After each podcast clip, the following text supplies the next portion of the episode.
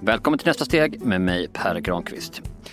Jag vet inte hur du upptäckte den här podden, men det var en ganska stor chans att det faktiskt var via Instagram. För Instagram har som bekant seglat upp som det socialaste av sociala medier. Det är ju också därför som så många företag satsar så mycket på att synas där. Det är bara synd att så många av dem är så himla dåliga. Undantag finns förstås och två av dem finns i Ängelholm.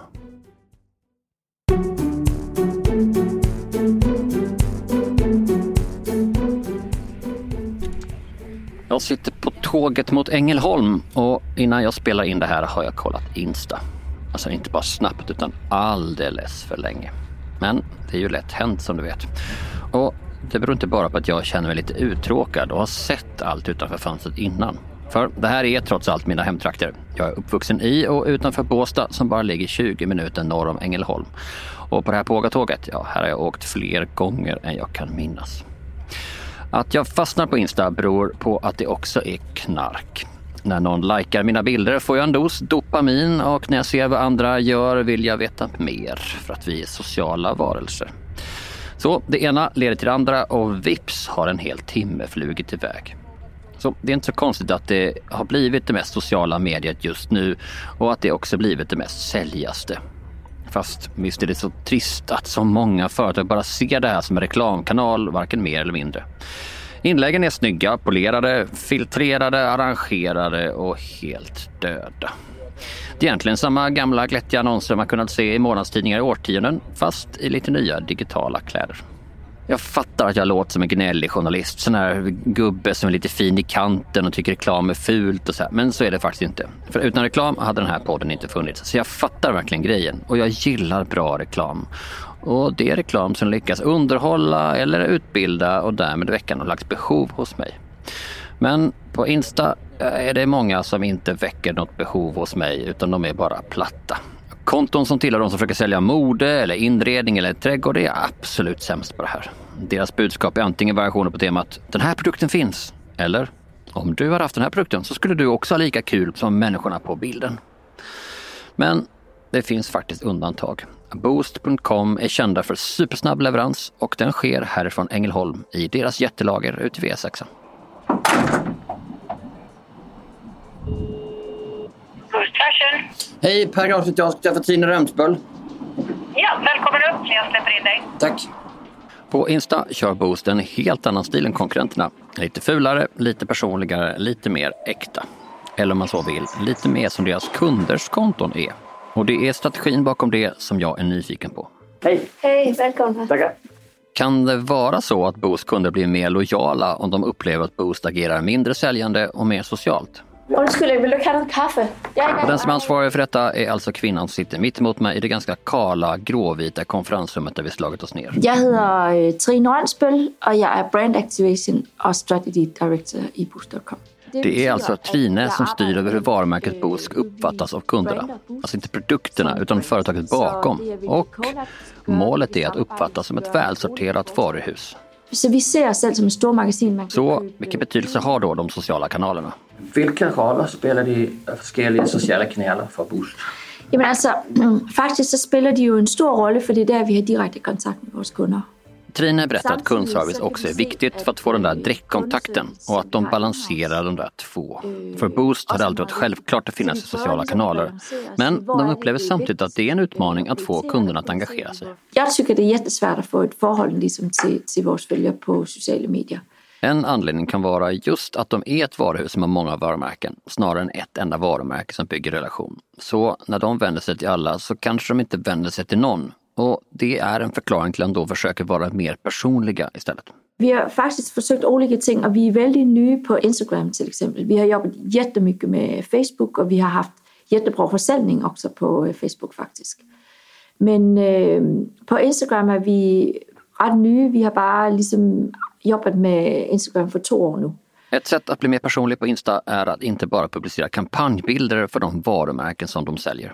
Vi prøver ligesom at have billeder, som ikke er for meget kampagnebilder. Ja.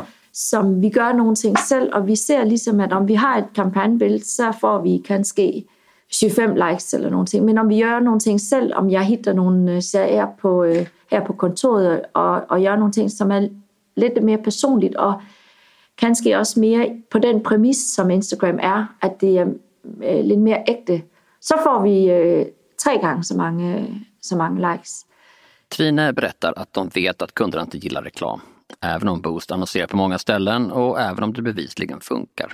Att den icke-reklamiga strategin funkar, ja det har hon en annan teori om. Det är mer det som Instagram var från början. Boosts strategi är med andra ord att om de ska vara med på sociala kanaler så måste man tabba in, som man säger på danska. Alltså att man måste ställa upp de premisser som varje plattform har. Även om det innebär att de får färre följare så är det viktigare att uppfattas som äkta. Trine är noga med att betona att det inte bara handlar om att posta saker som passar in på Insta, utan också bete sig som folk gör på plattformen. Vi likar eh, många av våra följares post. Ska man vara på sociala kanaler så måste man vara social. Man kan inte behandla det som en pushkanal. Men är det en försäljningskanal? Kan de se att Insta driver köp, undrar jag. Men när det kommer till försäljning så är det svårt för oss att se vad det är øh, som gör den stora eh, som ger den bästa värdi. Det är mycket lättare på Facebook, för Facebook har några andra algoritmer som också gör, eh, øh, som jag personligen syns, att den inte blir så intressant med sociala medier längre. I början var det jätteintressant, men nu, nu syns jag inte det är, för det är så många algoritmer. För där vet vi precis vad vi ska göra. Om vi vill göra någonting taktiskt så är det klart Facebook, till exempel om vi har ett erbjudande øh, eller en konkurrens, eller, så gör vi det på Facebook. Vi gör aldrig øh, konkurrenser på, øh, på Instagram.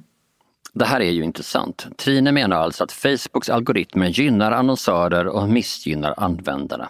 Och att det gör att de använder Facebook för erbjudanden och för tävlingar. Det är det som är konkurrensen på danska. Men att Instagram inte kan användas på samma sätt eftersom algoritmerna ser annorlunda ut och, misstänker jag, eftersom det inte är alls lika lätt att länka till något från Insta. Vilket alltså gör att Insta blir den kanalen som de främst använder för att förmedla en känsla av varumärket. Hvordan arbetar ni i med øh, inlägg och stories på Instagram? Vi gör, alltså inlägg, där har vi liksom, där vet vi att vi ska göra många inlägg på en dag för, øh, för att våra följare liksom får det. För man kan ju gott posta men så, så, så ser de det inte. Ja. På stories øh, prövar vi att få øh, att göra mer. Inläggen är planerade, stories spontana alltså. Och precis som så många andra företag försöker Boost komma ihåg att göra stories, men misslyckas. Och vi tror att øh, det är ett stort potential i stories. Ja. Och ett potential som vi inte øh, utnyttjar ännu. En grej jag tyckte var jätteintressant här var att Boost, trots att de är en e-handelsjätte, inte har supermånga människor som jobbar med sociala medier. Vi är bara tre personer som jobbar med Instagram och Facebook och, vi, øh, och det är helt øh, det är ett val vi har tagit för vi, vi tror på att det blir mer intressant om det är få personer som gör något som ger mening idag. Och att de undviker att planlägga allt för mycket, för att de då riskerar att tappa spontaniteten.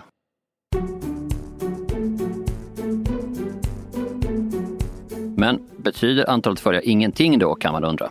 Boost når ju ungefär 3 miljoner med sina nyhetsbrev, men bara drygt 30 000 på Instagram. Jag frågar Tina om de inte borde använda någon av alla dessa så här får du 10 000 följare på en vecka strategier som det finns hur många som helst på nätet för att snabbt öka antalet följare. Jag vet inte om de fungerar. eh, øh, hon blir inspirerad men lägger inga pengar på det. De prioriterar organisk tillväxt. De vill inte köpa följare eller annonsera. Man måste respektera att man kommunicerar direkt till följarna, säger hon.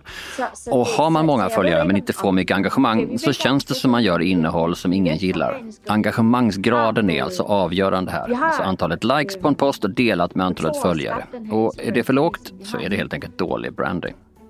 Men humor då? Är det viktigt? Hur viktigt är det med att um, content där man vara lite show? Jag tror det är viktigt att, vara, att ha något øh, självironi, heter det på dansk. Om man vill skapa en relation är det viktigt att också kunna ha lite humor och självironi. Det hör liksom till, konstaterar Trine. I många av de här artiklarna man lyckas på Instagram står att man ska vara personlig. Men vad Boost försöker göra, de skapar eget innehåll istället för de där tillrättalagda snyggbilderna som filtreras i Photoshop. Och när de likar, kommenterar och delar, ja, det är inte bara att vara personlig, utan att uppträda som en person fast man är på ett företag.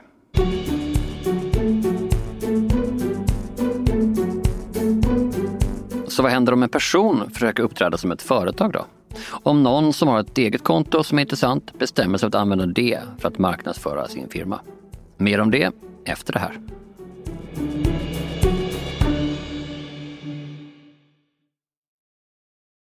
Vad är Hedentorps plantskola för ett ställe för den som inte varit där? Och en, eh, en grön oas. Det är många kunder som kanske inte alls har trädgård eller möjlighet till trädgård som faktiskt kommer och bara går en runda och kanske till och med landar innan man kör hem ifrån jobb. Sen har vi klart alla de som är trädgårdsnördar och eh, nya nya trädgårdsälskare kanske som kommer. Så det är en väldigt eh, bred eh, kundkrets vi har. Hedentorps plantskola är Sveriges trevligaste handelsträdgård. Ja, eller i alla fall Skånes. Som skåning är det ju lite samma sak. 2018 blev Hedentorps, som vi säger i trakten, utsedd till Årets butik i Skåne för sin känsla för nya trender och tidlös stil. Och för att man skapat en butik som inspirerar till inredning både ute och inne. Vi har väl tänkt hela tiden att vi ska bli ett utflyktsmål. Eh, man kan gå här, promenera och andas eh, och ta det lugnt. Man kan fika, man kan shoppa eh, och få professionell hjälp såklart i trädgården. Då. Förlåt, jag glömde introducera Liv Göransdotter. Tillsammans med sin man är det hon som driver Hedentorps. Grön oas, utflyktsmål. Det kan ju låta som en liten pretentiös beskrivning på en vanlig plantskola där man bara kan köpa växter. Men i det här fallet är det faktiskt någonting annat. Jag har förstås varit där många gånger och jag gillar det väldigt mycket men jag har samtidigt lite svårt att beskriva varför jag gillar det. Först tror jag nog att miljön gör eh, att du blir väldigt lugn, du hinner stanna upp, eh, andas. Eh, när du kommer in så bara det i sig gör att du blir omfamnad på ett sätt. Eh, sen är vi nog i personalen men vi säger alltid hej och eh, välkomnar utan att hoppa på dem för vi vill gärna låta dem få landa i det här för det kan vara väldigt omvälvande har jag förstått när kunder kommer in att det är mycket att ta in. Eh, så man låter dem gå en stund eh, och sen så frågar man om de behöver lite hjälp. I gränsen med att vara personlig men ändå proffsig på något sätt. Det är en balansgång hela tiden. Man känner ju också att kunder uppskattar återkommande kunder att man kanske kommer ihåg hur gick det nu med det där trädet du köpte, blev det bra? Eller krukan som vi stod och diskuterade, passade den in och så. så det där att också komma ihåg kunder, det här igenkännandet är nog, eh, det uppskattas. Att jag ringde Liv beror dock på en annan grön oas som hon har, Instagramkontot Tusenfröjd. Ja, eh, det börjar ju bara sådär plötsligt en dag när när det kom det här med Instagram att jag började, för jag hade egentligen haft en blogg från allra första början som jag började med när jag gick hem och var mammaledig. Tusenfröjd är ett namn som jag bara tog för jag tyckte det var vackert och det har bara följt med. Eh, och försöker koppla ihop det med Hedentorp sedan jag då började jobba. Jag är ju kanske lite estetisk så jag har alltid fotat mycket, så det har varit mycket bilder. Bilder är viktiga för mig, det skapar en känsla. Så det är väl så det har börjat och utvecklats eh, till vad det kanske är idag, en, en mer eh, marknadsföringsbit. Men det känns ju inte så. Det är det jag tycker är så spännande. För jag tycker snarare att det är när du säger att, liksom att Hedentorp ska uppfattas som och är en grön oas. Ja. Så har ju Tusenfröjd blivit en grön oas på något sätt i mitt instaflöde. Um. Mm, mm. Det är väldigt för mig en eh, på ett sätt är det väldigt privat för det, är ju bara jag som sitter med Instagramflödet. det är klart att jag kan prata med mina kollegor, någonting ni vill att jag ska lägga ut idag eller jag vet att nu har det kommit hem massa växter så springer jag ut och fotar och, och lägger ut. Men någonstans är det nog väldigt, det är nog mycket jag och det är mycket, inte privat. Jag är ju Hedentorp tillsammans med min man så det är väldigt så här, hand i hand när vi är ett litet företag på något sätt. Det är nästan aldrig bilder på dig eller de andra. Varför inte Nej. det? För du är ju ändå, är ju ändå personlig. Inför varje säsong så tänker jag men i år ska vi fota oss mer för folk vill se vem vi är. Och sen någonstans så rinner det lite bort. Dels att jag är oftast den som står bakom kameran och nästan aldrig framför kameran. Så att någonstans har jag på min agenda att vi ska bli, eh, visa oss lite mer. Liv har tusentals följare på Instagram, långt mer än man kan förvänta sig att en plantskola ska ha. Så vad hon än gör så funkar det uppenbarligen väldigt bra. Bilderna är väldigt fina och det är Liv som tar allt. Hon är självlärd faktiskt och brukade plåta med systemkamera för men nu för tiden kör hon med telefon och hon har en av de här senaste modellerna med jättebra optik förstås. Och så lägger hon ut i efterhand. Det går liksom snabbare då. Jag har som mål att lägga ut eh, ett inlägg varje dag.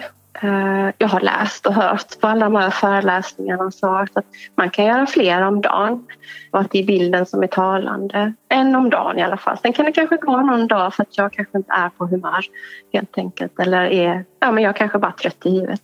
Men har du sagt att du klockan nio så ska du, eller är det bara att du känner att liksom, nu är det lite ont om kunder eller du har pysslat något som du är nöjd med och så mm. känner du telefonen i fickan på liksom förklädet och så då ja, men så kan det vara. Ja. Och så kan jag ju gå och samla bilder då liksom när det kommer nyheter eller jag går förbi och det lyser så jättevackert i den där lönnen till exempel. Då, då tar jag en bild så att jag har en liten buffert att kunna plocka ifrån. Däremot så planerar hon inte i förväg. Och det beror inte på att hon inte läst alla råd som finns på nätet om sånt här, utan för att hon känner sig själv. Ja, men lite. Jag har gått de här så har jag läst och suttit och skrivit allt vad de har sagt och så sitter jag och tittar och någon hade man skulle ha en byrå med tre lådor. Det var ju dagens och, och planering och månadsplanering, årsplanering och så sitter jag och tittar på det. Men, men när ska jag sitta in och göra detta? För det är ju bara jag i vårt företag som gör, håller på med det här. Och jag sitter ju inte bara och håller på med Instagram för jag är ju också i kassan. Jag ska ta hand om personalen, jag ska fixa annan marknadsföring, jag ska svara på mejlen och man har ju all, allt det administrativa som man ska ta hand om. Så för mig blir det då verkligen, då har jag bestämt att det är ju här och nu. Det får bli som det blir. Um, för vi har ju inte någon som sitter och gör allt det där till oss utan vi är ju ett litet företag. Så här är grejen. Alla säger att man ska planera och strukturera och optimera sitt Instagramflöde. Och Liv, ja hon känner till allt det där. Hon har läst allt det där. Hon har sett alla videos där allt detta sägs. Och så väljer hon medvetet att strunta i det. För att hon förstår att det skulle riskera att sabba just vad som är unikt med Hedentorps. Samma anledning som folk kommer till plantskolan i utkanten av Ängelholm som till hennes konto i utkanten av det allt mer kommersiella Instagram. En sak som slagit mig är att du inte försöker sälja saker i flödet. Visst, du kan ju skriva så här, vi hjälper dig med dina inköp eller mm, vi har ett stort mm. sortiment av lönnar på Hedentorp så våra trädgårdsmästare hjälper gärna hitta en favorit. Men så mycket mer än så blir det aldrig. Hur har liksom ditt resonemang gått där? Okej att det från början är liksom ditt privata konto men du talar ju ändå om att det är liksom, ni har öppet tid i CSO eller vi har stängt idag eller hon i kaféet är sjuk eller så. Liksom bara... För mig tar det lite emot att lägga ut så mycket om jag skulle lägga ut bara en bild på en, en sak eller en växt. Kom och köp. Det gör jag lite emellanåt när jag har något som jag tycker är extra fint. Då kan jag kanske skriva ut priset eh, i stories till exempel där det kan få rulla i 24 timmar och sen försvinner den bilden. Men att det alltid ska ligga kvar um, i flödet. Um, det säger emot mig så mycket vad, vad jag själv tycker om uh, direktreklam. Så det låter alltså som att vad Liv gör är att försöka översätta upplevelsen och bemötandet på plantskolan till Instaflödet. Alltså att inspireras av hur man skapar relationer i butik och sociala kanaler som privatperson. Tror jag i alla fall. Jag frågar Liv om hon håller med om den beskrivningen. Som privatperson, men jag är ju nog mycket mig själv. Jag tror alla våra, mina kollegor, vi är ju oss själva när vi är här. Vi tar ju inte på oss kanske någon eh, säljarhatt när vi liksom öppnar klockan tio utan vi är de vi är med alla våra personligheter. Eh, och då blir kanske det här mötet mer personligt och mänskligt och nära på något sätt. Ni har ju jättemånga följare bortom butiken, folk som inte alls bor i Ängelholm. Jag tänker inte så mycket på det egentligen ibland. Ibland, för det gör jag inte ofta, går in och kollar var statistik och så här, eh, var följarna fin- befinner sig någonstans. Och ibland har jag tänkt att jag kanske måste börja skriva på engelska istället så att alla kan förstå. Ehm, men det har inte blivit av för den närmsta kretsen eller de som då kommer in och handlar ehm, de, är, de bor ju här runt omkring eller åtminstone i Sverige eller Danmark. Eh, för visst skickar vi saker, det gör vi ju emellanåt. Men det berättar ni inte heller om? Eh, nej, precis. Behöver jag så slipper jag. Behöver jag inte så slipper jag. Ja. Ja. Inom berättande konsten talar man ofta om show, don't tell. Alltså istället för att beskriva alla detaljer i en scen, i en roman, så visar man upp händelserna och så lägger läsaren till sina egna slutsatser. Genom att läsa en bidrag så fördjupas på något sätt relationen med boken. På Hedentops praktiserar man en variant, show don't sell. De visar vackra saker, ger råd, men de kränger liksom inte utan då får de följarna själva lägga till och fatta att det här är ett behov som har växt. Och, och det här är paradoxen, det är just så de säljer. Men målet i sig är inte att växa, utan bara bli bättre på vad de gör. Att bli lite bättre på att inspirera för varje dag, för varje månad och varje säsong. Och då kommer resten av sig själv. Nej, ibland brukar jag prata om att jag skulle vilja bli mindre eller bara vara där man är för att kunna ta hand om de kunderna som kommer. Men det vet jag inte hur man gör. Men det är klart, vi växer. Det är klart man hade önskat att man var tio händer till. Liksom. Eh, Men eh, vi är glada där vi är, där vi är idag.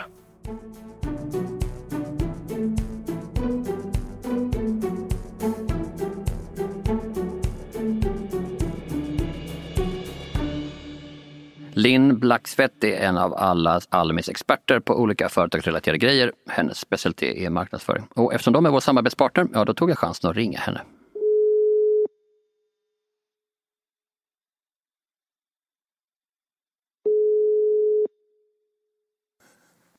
Almi, det är Linn. Hej Linn, det här är Per Granqvist. Hör du mig?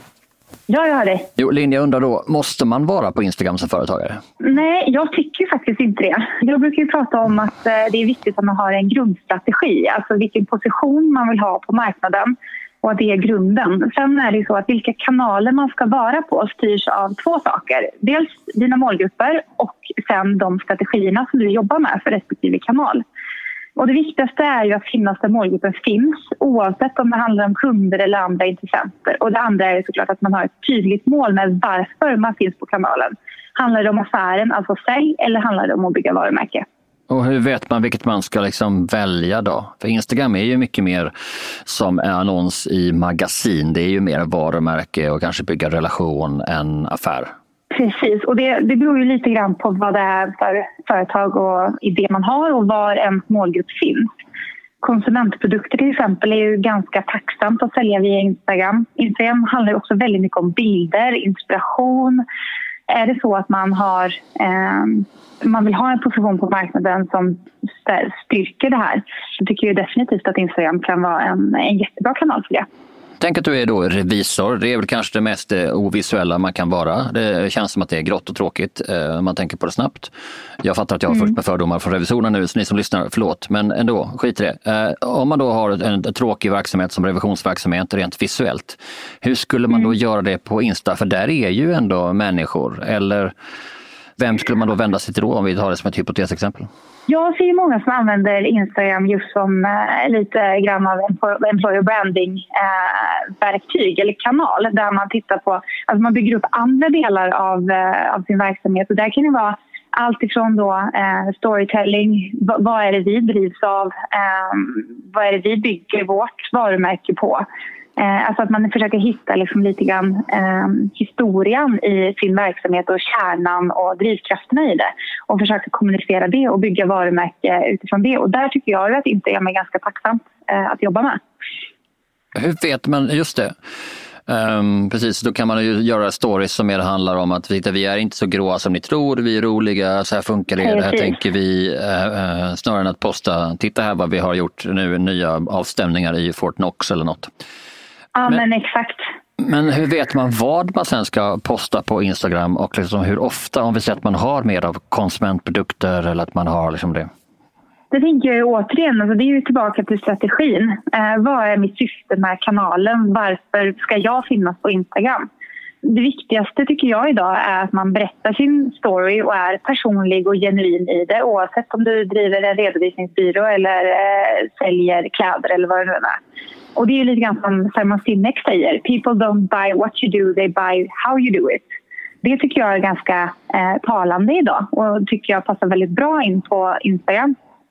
Sen så är det ju två trender som jag ser som blir allt större och det är ju dels då det korta rörliga 24 timmars innehållet som stories till exempel eh, som är också ganska tacksamt att jobba med. Sen så ser vi också det här eh, user generated content, UGC, som också växer snabbt. Eh, och då är det via hashtags till exempel. Och Boost jobbar ju med detta via sin hashtag då, Boost My Style. Ehm, och det är ju ett jättetacksamt sätt att jobba för många företag för då kan man ju använda content som redan finns samtidigt som kunden ofta tycker att det är väldigt kul att bli lyft. Och då visar man ju också att man lyssnar och att man kollar och att man liksom gillar det andra gör med dina grejer istället för att bara använda det som den där förhatliga eh, enkelriktade distributionskanalen. Exakt, det blir ju den här tvåvägskommunikationen och den här interaktionen mellan kunder eh, och då eh, företaget som ja, men det känns som att det blir lite mer genuint tycker jag. Lite mer hjärta i det. Det finns också en rädsla såklart för att man, om man ska uppdatera varje dag, att man binder ris för egen rygg och så här liksom. Jag träffade i eh, Hedentorps i Ängelholm och pratade med dem eh, där Liv berättade om att som hon har försökt vara snäll mot sig själv. Och så att jag postar de dagar jag har liksom lust med det, men när jag inte känner för det så kommer jag inte göra det. Men finns det något sånt där att man kan veta att du borde posta si och så? Eller det finns ju typ tusen sådana inlägg på nätet man kan kolla på hur ofta man ska göra ett skit men, men, men du som ändå har koll på liksom små och medelstora företag, vad folk brukar göra och vad som är liksom en rimlig strategi, vad brukar du säga? Och där är det ju jättesvårt och där kan man ju ta reda på jättemycket alltså data när, mina, när min målgrupp är aktiv och sådär. Eh, sen finns det ju idag, tack och lov, väldigt mycket bra verktyg för att man ska kunna planera sin kommunikation framåt. Vi har ju till exempel verktyg som Laser, Sprout och Falcon till exempel. Eh, som är ganska tacksamma där man just kan planera sina inlägg för alla sina eh, sociala medier till exempel. Så med lite planering och framförhållning så kommer man väldigt långt. Så även om de kostar liksom, de kan kosta mellan 500 och 1000 spänn i månaden så är det ändå liksom värt det för att det kan underlätta. Du kan liksom inte behöva känna den här pressen varje dag, tänker du? Ja, men exakt. Det tycker jag verkligen. Och sen handlar det ju som med allt annat att ha en, eh, en, en plan och försöka planera och se lite framåt så att det inte blir att oh shit, idag är det tisdag, nu behöver jag publicera någonting. Eh, utan att man har kanske en liten plan framåt där man ser vad man ska posta på olika kanaler. Men nu har du ju sagt plan här massor med gånger. Är, är det inte så att liksom man kan vara rädd att det liksom förtar den här spontaniteten som ju också är Insta?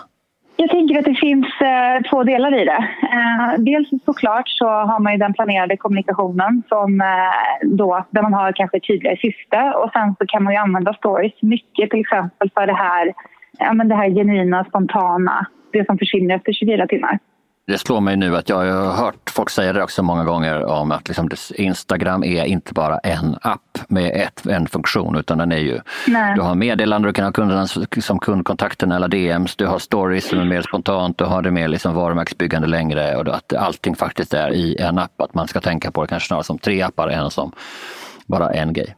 Och sen ska man inte heller glömma då att då blir Instagram också en form av kundtjänst.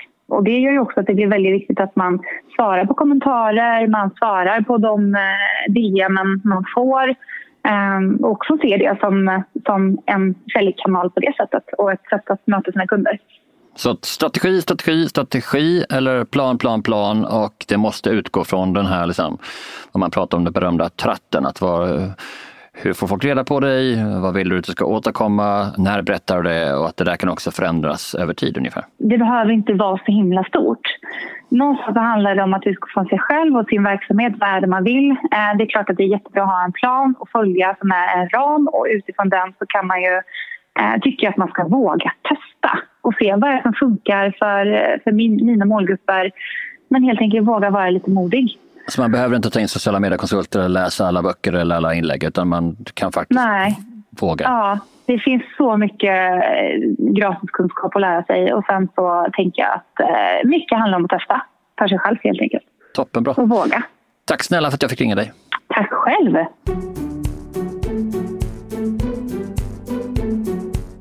Och därmed sätter vi punkt för idag. Gillar du vad du hörde och vill tipsa en annan företagare som funderat på det här med att komma igång på Insta? Ja, men tipsa dem då om just det här avsnittet. Och förresten, när du ändå är inne i appen, du följer väl oss? Glöm inte klicka följ eller prenumerera. Det beror lite grann på vilken app du använder, vad det är du ska, vad som står på knappen. Men det är skitsamma, huvudsaken att du följer, då får du nästa avsnitt ganska snabbt. Jens Back klippte och skötte tekniken för avsnittet. Eva Dahlberg hjälpte till med researchen och jag heter Per Granqvist. Nästa steg är en podd från Vad vi vet. Så följ oss som Vad vi vet på LinkedIn eller på Instagram. Och vill du ha våra förklarande grejer som har med företagen att göra, då ska du följa vår särskilda kanal för företagare. www.foretag på Insta. Alltså www med enkel V. www.foretag utan prickar. Där hittar du oss, där hittar du bra grejer. Följ, det blir kanon. Vi hörs.